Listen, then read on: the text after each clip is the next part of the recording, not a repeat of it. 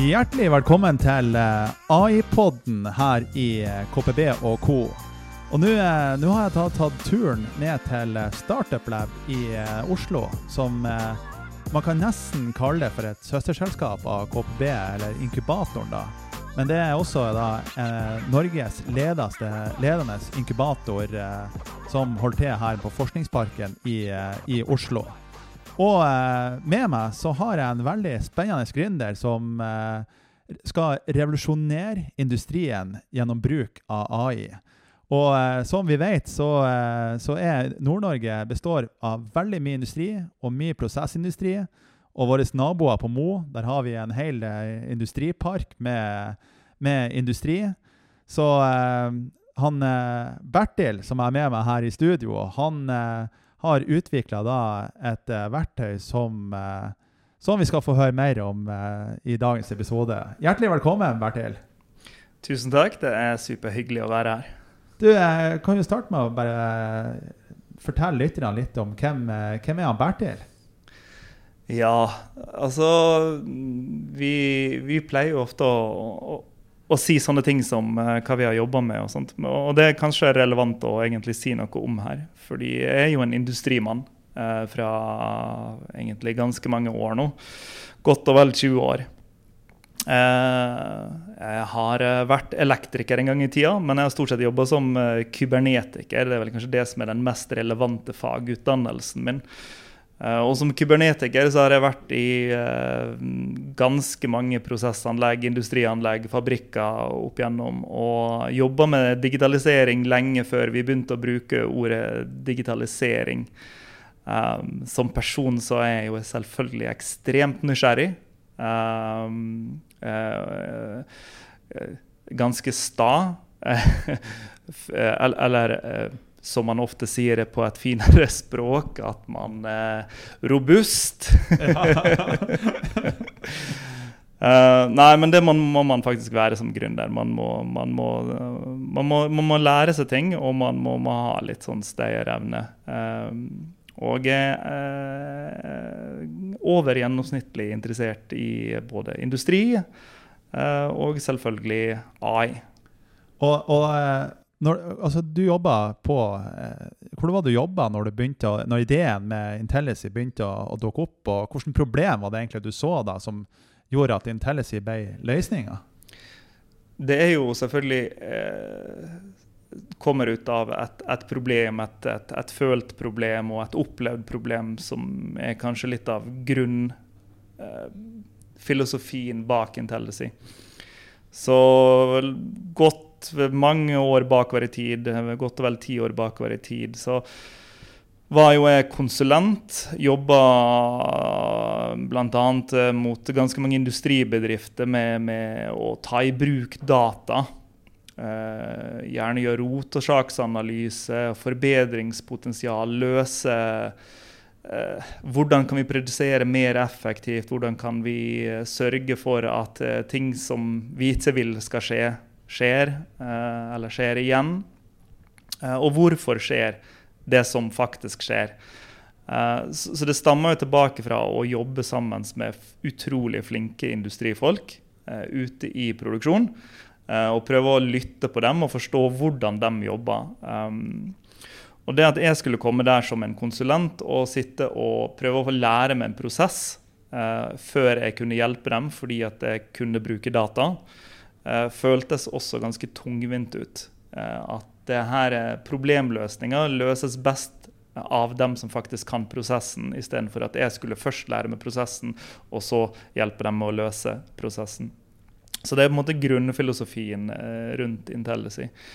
Um, når AI begynte å komme for omtrent sånn ti år igjen med den nye revolusjonen, um, så begynte jeg å, å, å, lære meg litt om AI. Begynte å programmere litt, begynte å teste litt ut i Python og bare gjøre litt sånne enkle ting for å prøve å forstå hva det her var. Um, så kom det en mulighet da, Uh, der uh, selskapet jeg var i, eh, ble solgt ut til et stort amerikansk selskap. Og jeg tenkte at nå var det tilbake, tilbake til den ideen som har ligget der og egentlig modna over ganske mange år. Um, hvordan får vi industrien mer effektiv? Um, og utgangspunktet her er jo at industri står for omtrent 30 av uh, verdens klimagassutslipp. 30 av uh, verdens energiforbruk. Uh, og så er den 65% effektiv. Det er sånn gjennomsnittlig tall. store variasjoner. Um, så når Parisavtalen egentlig da ble signert, og de aller fleste land var enige om at nå skal vi kutte, um, så uh, skulle ikke det så mye fantasi for å skjønne at industrien også må egentlig gjøre en del endringer for å få opp effektiviteten, uh, og at det her kommer. Og jeg så på det med AI eller maskinlæring og den type teknologi som, som, som på en måte kanskje det som kunne løse um, løse de komplekse utfordringene som, som, industri er. For industri har stort sett fiksa det som er lett å fikse. Så det som ligger igjen nå, uh, er jo det som er veldig komplekst. Uh, og da trengs det egentlig mye mer avansert uh, analyse og evne til å prosessere langt mer data enn at f.eks. et trendverktøy gjør i dag. Så, så, det er ideen. Den andre biten sånn som, som, jeg var inne på, er jo at det er sterk, eh, en sterk tro på at skal man løse noe i industri, så må det være dem som er industrifolk. Eh, som løser det. Fordi at du må ha kunnskap om hva nå enn du produserer, utstyret som er der. Altså all den, den stille kunnskapen som ligger der. Eh, så da på en måte måtte vi lage noe som ikke var for IT eh, med koding, eh, og ikke var for data scientist, eh, som er dem som stort sett lager AI og, og, maskinlæring i dag.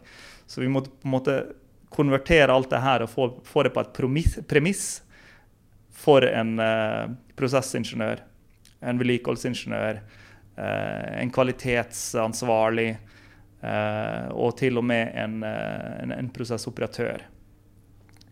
Så hvis jeg er da en prosessoperatør for uh, Celsa Nordic, for å ta et eksempel, fra Mo industripark, hvordan, uh, hvordan kan jeg bruke Intellicy da i min hverdag for å effektivisere prosess, altså driften av, av, av prosessanlegget, da, kan vi si? Ja, så jeg har jo, eh, jeg har jo eh, faktisk eh, vært på besøk der, så jeg vet jo også litt hvordan de sitter og, og jobber. Um, um, men, men, generelt sett, og, og, det er ganske generelt for alle, man sitter i et eller annet kontrollrom uh, ofte uh, og har et visst antall skjermer.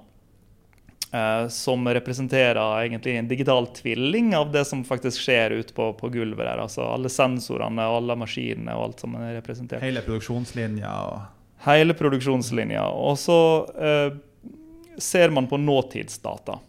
Eh, det er hovedsakelig det man ser på. Eh, for å finne ut hvordan produksjonen går, med kanskje noen korte trender liksom siste ti minutter eller siste halvtime. Eh, men, men, fokuset er på at ting kjører bra, så godt som det kan akkurat nå. Det kommer en del alarmer opp. Eh, det kommer en del ting som du kanskje burde gjøre. Der er det kanskje mest sannsynlig ganske mange tusen eh, signal, sensorer, som måler ting kontinuerlig. Menneskelig kapasiteten ligger på syv. Sant? Det det, det den menneskelige kapasiteten ligger på, å takle å se syv variabler. Så det er klart at det er et uh, visst eh, gap mellom det man klarer å få med seg, og, og all den informasjonen som er der. Så for en, eh, for en operatør så handler det om å få med seg mer, eller har noe som kan ligge og overvåke og varsle deg og gi deg en notifikasjon på ting du trenger å, følge med på. Eh, og I motsetning til en vanlig grensealarm som de har, som gir deg en alarm når trykket ditt er over fem bar, f.eks., så får du en alarm. Så kan det gjøres ganske mye smartere med maskinlæring og se på eh, f.eks. hva er trykket nå, og hva burde trykket nå være? Så du, du, du, ser ikke på bare innenfor visse fastsatte rammer, men egentlig hvordan produserer vi nå? Hvor raskt produserer vi nå? Hvor mye produserer vi nå? Hvilke material produserer vi nå?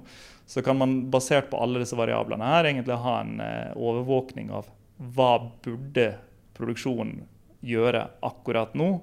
Og hvis den ikke gjør det, så vil du få en notifikasjon og en varsel eh, som sier at eh, nå eh, kanskje du burde se litt på den eh, linja di.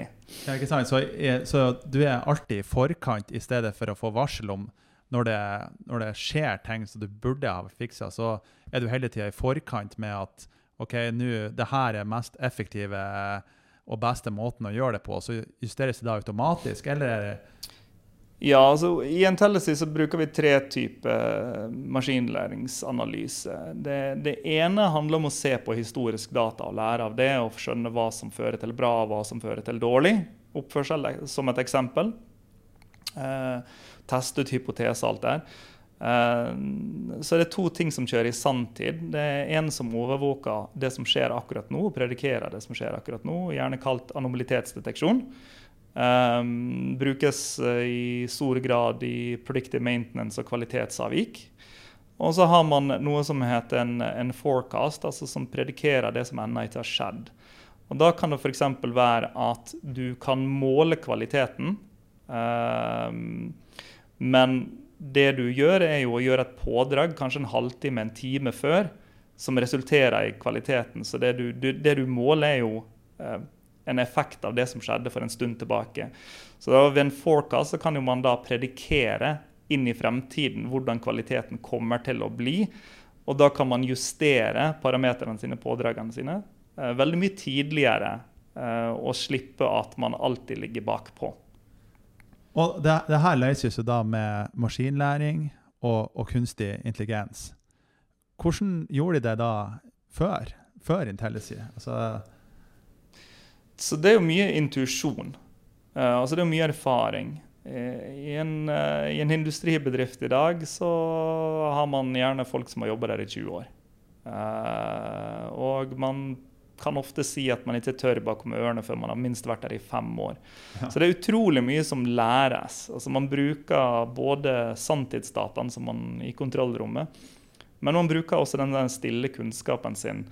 Om det er lukt, om det er lyd, Uh, om det er en følelse som man ikke helt klarer å forklare. Altså, Alle disse tingene her har man prøvd å benytte seg av for å kanskje kunne forutse eller få en følelse av. Så de flinke har jo på en måte eh, brukt av menneskelig intelligens, uh, men ikke helt klart å forklare det alltid. Hvorfor man, man, man skjønner ting. Uh, men det er jo også en siden ikke vi nødvendigvis klarer å forklare det, og ikke nødvendigvis er veldig nøyaktig, så, så skjer jo det feil eh, rett som det er. Eh, at man tar feil avgjørelse. Eller at man er litt usikker og ikke tør å ta en avgjørelse. Um, så jeg, jeg, tror det, det, handler for det meste om på en måte å altså det handler om, Én ting er jo å kunne få folk raskere opp med å bruke data. Uh, så, så, tiden det tar fra man, man på en måte kjenner anlegget og har den kunnskapen, altså de fem åra, den kan kanskje kortes ned til fire, fem, seks måneder hvis man begynner å ta i bruk data. Fordi, fordi man har et hjelpemiddel eh, som er i stand til å lære det som vår menneskelige hjerne bruker rimelig lang tid på å lære. Så det, det lærer raskere. Så timinga for Intellisy er jo også veldig god. For at sånn som i Nord-Norge, så jobbes det jo på spreng med å fasilitere for uh, store industrietableringer. Vi har Freyr, som uh, nå kanskje ikke blir noe av, men som det skal bli noe av. Uh, vi har Blaster, som var på tur til å bli etablert. det skjer masse ordentlig store industrietableringer. TQC, The Quartz Corp på Drag, de skal ansette 100 nye prosessoperatører. Så, eh, så timinga er, er, god for Intellisy. Timinga kunne på en måte ikke vært bedre. Uh, dette her har jo vært, det, altså det er en modningsprosess. Det, det, går tregt. Industri går tregt. Endring går tregt. Og det er også change management. Vi må, må, ikke, vi må ikke, glemme mennesker uh, egentlig, og den menneskelige faktoren inn i det her. Fordi teknologien er her teknologien fungerer. Uh, og, og, teknologien er tilgjengelig. Um, men det er også en prosess med å endre på en måte hvordan, altså Det å bli datadreven, det å gjøre ting på en annen måte. Det at han som har vært der, eller hun som har vært der lengst, på en måte ikke er den som, som, som, setter premissene for hva som er riktig eller galt, men at man, man går litt etter datadrevne altså, At man tør å ettergå sine egne hypoteser da, ja. før, man, før, man, tar en beslutning. Så, eh, han Cato Lund, han som er fabrikksjef på TQC, han har også vært sjef i Store Norske og også Norwegian Crystals på, eh, på, i Glomfjord. Og han snakka veldig, veldig mye om lean, altså hvordan man jobber med lean i, i prosessindustrien. Og, og, han mente også at eh, hadde lean-prosesser vært starta tidligere, så kunne kanskje det vært fortsatt drift på Svalbard med Store Norske. Og, så det, det, er jo litt det du snakker om her, det med, med lean og Ja, sånn så opererer vi i et globalt marked. Um, det er AI som vi snakker om, AI-teknologi og alt det her, det er jo, uh, vi er jo på et internasjonalt marked. Um, så, så, i Norge har vi hatt billig kraft. Uh, og til dels har billig kraft. Uh, og det har vært et megastort fordel for å ha den type prosessindustri som vi, vi har i Norge. Men hvis vi visker vekk det her fortrinnet vi har på billig kraft. Eh, så sitter vi igjen med kanskje ett fortrinn som er ren kraft, eh, og det vil vi ha. Altså vi har fornybar ren kraft. Eh, men, men, fra det økonomiske så begynner en del ting å, å ramle ut av hvorfor vi kan ha den type produksjon i Norge. Så, så jeg tror det er viktig at vi prøver å komme oss frempå. At vi gjør en innsats for å ligge frempå. Uh, og at vi tar i bruk da den type teknologi. Og det er ikke som en erstatning for uh, den menneskelige intelligensen, men det er på en måte det er best brukt i samspill. Altså flinke folk som har en, en, en ekstra superkraft. Uh, og da blir det sykt bra. For, for AI i seg sjøl kan være egentlig ganske naivt og dumt, selv om det er veldig imponerende. Men kobler du det sammen med folk som faktisk skjønner prosessen, så blir det ekstremt eh, nyttig hjelpemiddel for å treffe de effektivitetsmålene man faktisk ønsker. Man får den reneste produktet, man, man får den eh, høyeste effektiviteten. Uh, og man klarer seg med på en måte den minimale altså den minimalkapasiteten av folkeressurser som man faktisk kjører på i Norge. For vi kjører på med langt færre ressurser enn en, en våre konkurrenter kanskje i utlandet. Og nå eh, er dere jo eh, på en måte litt i startgropa på ei, voldsom vekstreise, virker det som. For dere har nettopp gjort eh, en ny kapitalinnhenting der eh, Yara bl.a. var en av de største investorene. Hvordan eh, ser løypa framover nå ut for eh, Intellicy? Ja, altså, det var jo Det å få en, få en Yara var jo eh, Eh, kanskje det beste vi kunne håpe på, sånn sett. Um, og Yara er jo også sterkt til stede i vår region, i Glomfjord, bl.a. Yara har uh, produksjon globalt. og Jeg tror jeg oppdaga dette her når jeg var sånn 22-23 år og reiste, reiste, nesten jorda rundt. Og, og så Yara-logoen i, i, Asia, Australia og Afrika eh, i løpet av noen få måneder. Eh, og oppdaga egentlig at Yara er jo langt større utenfor Norge enn, enn det det det er, i Norge. Så, og Yara har et meget sterkt digitalt team i tillegg. Eh, og, og, på en måte vanvittig komplisert prosessindustri. Så, så det at Yara har gått inn nå som investor i Intellicy, gir jo selvfølgelig langt mer enn bare kapital. det gir oss selvfølgelig kapital til å kunne eh, fortsette på den vekstreisen vi er, satse hardere, gjøre mer. Men det gir oss også den kredibiliteten eh, med at eh, noen som eh, vet, som har peiling på det vi holder på med, også sier at dette her, det her er kult. Og så vil jo da mest sannsynlig Yara da bruke IntelliSy på alle sine prosessindustrianlegg rundt omkring i verden, vil jeg tro òg. Altså, det vil jo tiden vise. Vi har jo for så vidt ingen, ingen forpliktelser til det. Uh, men, uh, men, det men det er målet? Ja. Det, det, ligger jo helt klart en, en ambisjon uh, om at at, at Yara også vil ta i bruk Intellis i fremtida, selv om det er ingen premisser for investering i det. Vi, vi, har jo, vi, har jo, mange gründere som hører på KPB og Co. også, siden vi, vi har jo inkubatoren i, i Salten-området. Eh, kan du bare fortelle litt om eh, reisa di, og hvordan du har jobba altså, fram fra den ideen når du tenkte at her må det kunne effektiviseres eh, og optimaliseres drift, til at du nå har fått investorer om bord og, og, har et kommersielt produkt og har kunder. og hvordan for for mange gründere er det jo sånn de, de starter med å, å, ta kontakt med Startup Lab og får hjelp til å validere ideen sin, og så er det hjelp til å få softfunding fra Innovasjon Norge, andre typer. Kan du fortelle litt om hvordan, hvordan de reiser i det her økosystemet, eller hva man skal, fortelle, hva man skal kalle det? Hvordan har den reisa vært? Altså, det høres jo langt mer glamorøst ut enn, enn det, det, som det faktisk er for de aller fleste gründere. Uh, man får jo en fancy tittel uh, som CEO, uh, men man er jo egentlig en slags altmuligmann, vaktmester, og gjør absolutt alt som trengs for, for, å lykkes. Så det har jo tatt litt lengre tid kanskje enn det man tenkte når man starta. så det hjelper å være en tidsoptimist. fordi det er jo utrolig komplekse ting som skal, som skal få til å fungere. Altså det, når kundene våre sitter og trykker på en knapp i programvaren vår, så skal vi bygge altså Intellis i den skal da rense dataen eh, og bygge og velge den riktige modellen og få den beste prediksjonen, uavhengig om at det, det her er produksjon av eh, ost, eller om det er stål, eller om det er rensing av avløpsvannet her i eh, Store Oslo.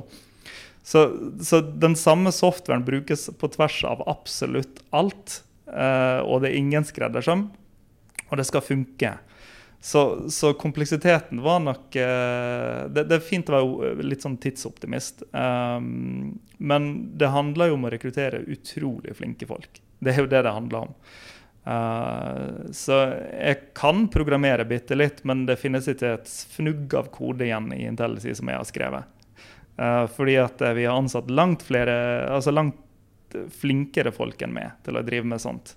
Um, jeg er beste fall en god diskusjonspartner og kan lese kode. ja. så, så, det handler om å sette visjon.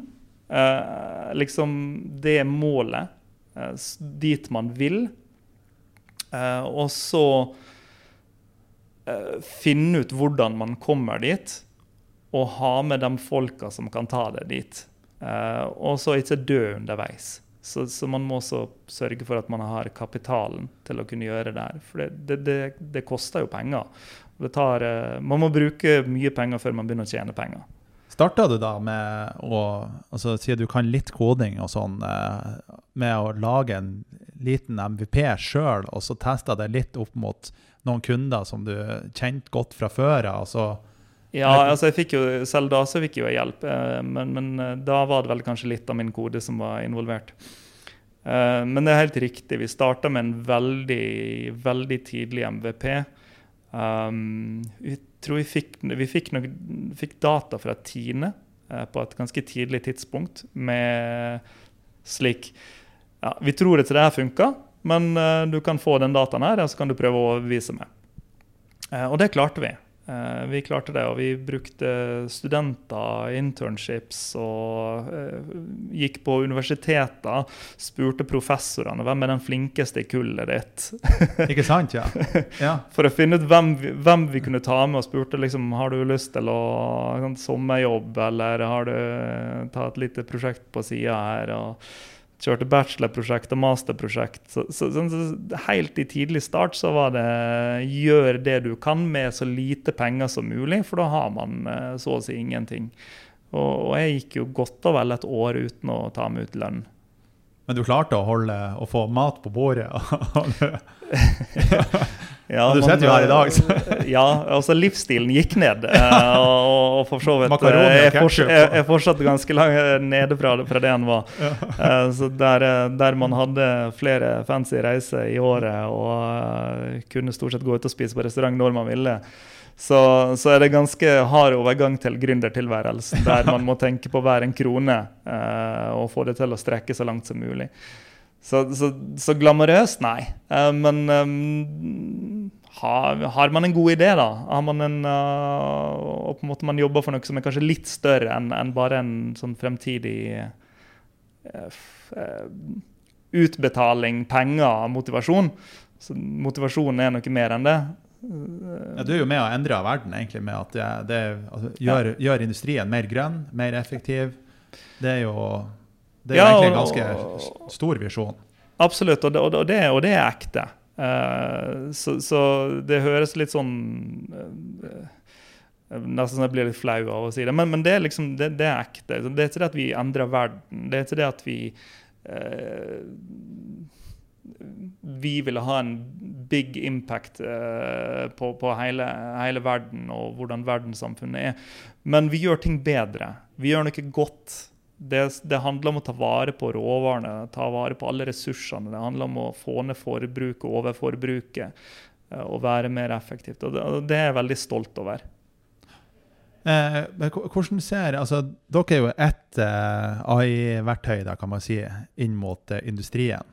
Eh, vet du om det er mange flere også som jobber med AI inn mot industri? og hvordan ser på en måte, du nevnte, altså Vi har litt om, vi nevnte begrepet industri 4.0. og Det er jo Internet of Things og det er alt mulig slags ord som puttes inn i industri 4.0. Men hvordan ser på en måte framtida til industrien ut og med AI og kunstig intelligens? og Ja, det, og det er selvfølgelig noe, altså en ting som jeg bruker ganske lang tid på. Uh, å prøve å danne meg et bilde av. Um, og målet mitt er jo på en måte å ha det mest riktige bildet. Hvis, men jeg har jo ikke fasiten. Fasiten vet vi først om, om noen år. Eh, men, men det er jo på en måte litt av premissene for for å bygge et selskap som, som, som gründerselskap som det her. Ja, du, må en, du må ha noen hypoteser og noe du tror på og følge litt med. og det, vi snakker, jo- Jeg snakker jo med kunder, potensielle kunder og industribedrifter mm, i hele Norge og langt utenfor Norges grenser for å finne ut hva de er opptatt av. Eh, hva er det de tenker på? Hva, hva tror de? Hva er det som, er, hvor trykker skoen for dem? Um, et av de, et av jo, som nesten alle tar opp, er rekruttering er liksom en sånn stor ting. Eh, det, var, det er veldig mange som jobber i industri, som er, begynner å nærme seg pensjonsalder, og allerede flere som går ut av pensjon. Og man sliter med, med å få, få dyktige folk inn. Um, så, så det er én utfordring. Og liksom det, det her er det at man, det tar så lang tid å lære prosessen. Ja, Det, liksom det er den, den andre, og folk er ikke så lenge i jobbene nå som de var før. Man bytter oftere. Eh, og det er en sånn stor utfordring for, for industrien. Uh, Det blir nesten, Vi har merka i Nord-Norge bare som en digresjon der, at det, det er nesten litt sånn kannibalisme.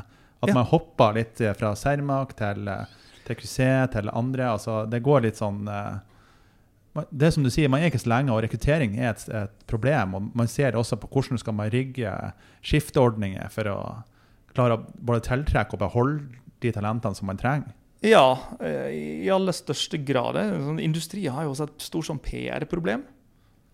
Altså, eh, Når det er industri i en Hollywood-film, så er det alltid negativt. Det er aldri en sånn solskinnsromanse i en industrisetting. Det, det, det skal alltid skje noe jævlig, da. Eksplosjoner. Så, så, så, så det er jo også et slags sånn PR-problem. og liksom det her med at ja, Hvis ikke du tar deg god utdanning, så ender du opp uh, i en fabrikk eh, på fabrikkgulvet. Liksom. Så, så det er også et PR-problem. Eh, og jeg tror det eh, Det har vi også lyst til å endre. Eh, fordi de folka som vi snakker med, det er vanvittig flinke, engasjerte folk som bryr seg om, om bedriften sin og jobben sin. Uh, og ekstremt høyt kompetente folk. Uh, I hvert fall veldig mange, veldig mange som jobber der. Um, så, så den, den, på en måte gjør det litt sånn uh, si, kulere å jobbe i industrien. Gjør det litt mer attraktivt å jobbe i industrien. er faktisk noe vi tenker på som er, som er en strategi. Uh, og det vi tror som vil ha en sånn påvirkning. Så hvis du tenker hva skal Intellicy være og alt det her, sånn, så ja, eh, ultim, Et av liksom, mine ultimate metric for å, om man har lykkes, det er jo hvis det er en av våre kunder på en måte bruker Intellicy i markedsføring av å rekruttere. Uh, for, å, for, å, få flinke folk til å begynne der. Og det, det har vi sett allerede. Ikke, det er ikke det at de har brukt Intellicy, men vi har sett allerede det at Uh, AI, ja, vi, vi, holder på med AI, vi har maskinlæring, vi har Intellicy. At det har hjulpet på rekrutteringa. At, at, folk har på en måte gått til jobben eller vært tryggere på å gå til jobben fordi at det, det er noe nytt. Og for det vi må huske på at den, den nye generasjonen, eller den generasjonen som, som, på en måte er nå utdanna og relativt unge, de er født digitale. De har det her i fingerspissene. Og så kommer de til en industrisetting der alt er mekanisk, og det er kanskje en skjerm som står ned på en maskin. Så, så, så, jeg tror det her er det digitale. Eh, det å ha verktøy som på en måte man kanskje er vant med siden man er digital. De unge tar sånne ting utrolig mye raskere. Så jeg tror det er en av de tingene som jeg i hvert fall syns er et veldig fokus, og bør være et fokus, for industrien, for Intellicy, for oss som måtte levere inn til industrien. Så vi kan godt snakke om features og funksjonalitet og kule teknologi, uh, men, men, det er ikke det det handler om. Det handler om å oppnå bærekraftig produksjon.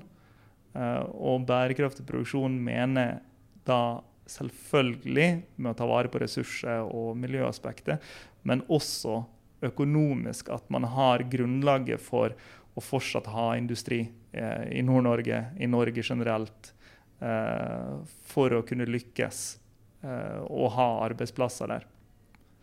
Veldig interessant. Jeg ser jo, Her kunne vi jo ha sittet eh, vi, vi, har jo eh, knapt rukket å komme inn på halvparten av det som jeg egentlig har lyst til å snakke om, med tida og flyg. Så, eh, men eh, det har vært veldig hyggelig å ha deg som eh, gjest, Bertil. Og da kan vi vel også si at kanskje vi ser mye til, mer, mer til Intellis i Nord-Norge òg framover, i industrien der? Absolutt. Vi, vi, er jo stadig vekk i Nord-Norge. Vi har jo bl.a. et uh, godt samarbeid med, med, ACT, Arctic Cluster Team, uh, som vi er medlem av. Uh, og ofte i Mo og, eh, og samarbeid med Kunnskapsparken Helgeland. Ja da, vi er kunder oppi der. Så. Så, og vil gjerne mer eh, oppi, eh, være enda mer oppe i Nord-Norge. Det er en fantastisk Og Hvis du da eh, kommer til Bodø, så må du eh, gjerne komme innom hos oss og, og ta en kaffe og stikke innom. Det skal jeg absolutt gjøre. Vel, tusen takk for at du hadde lyst til å være gjest i KPB og K. Og masse lykke til videre med reisa til Intellicy. Tusen takk for at jeg fikk anledninga.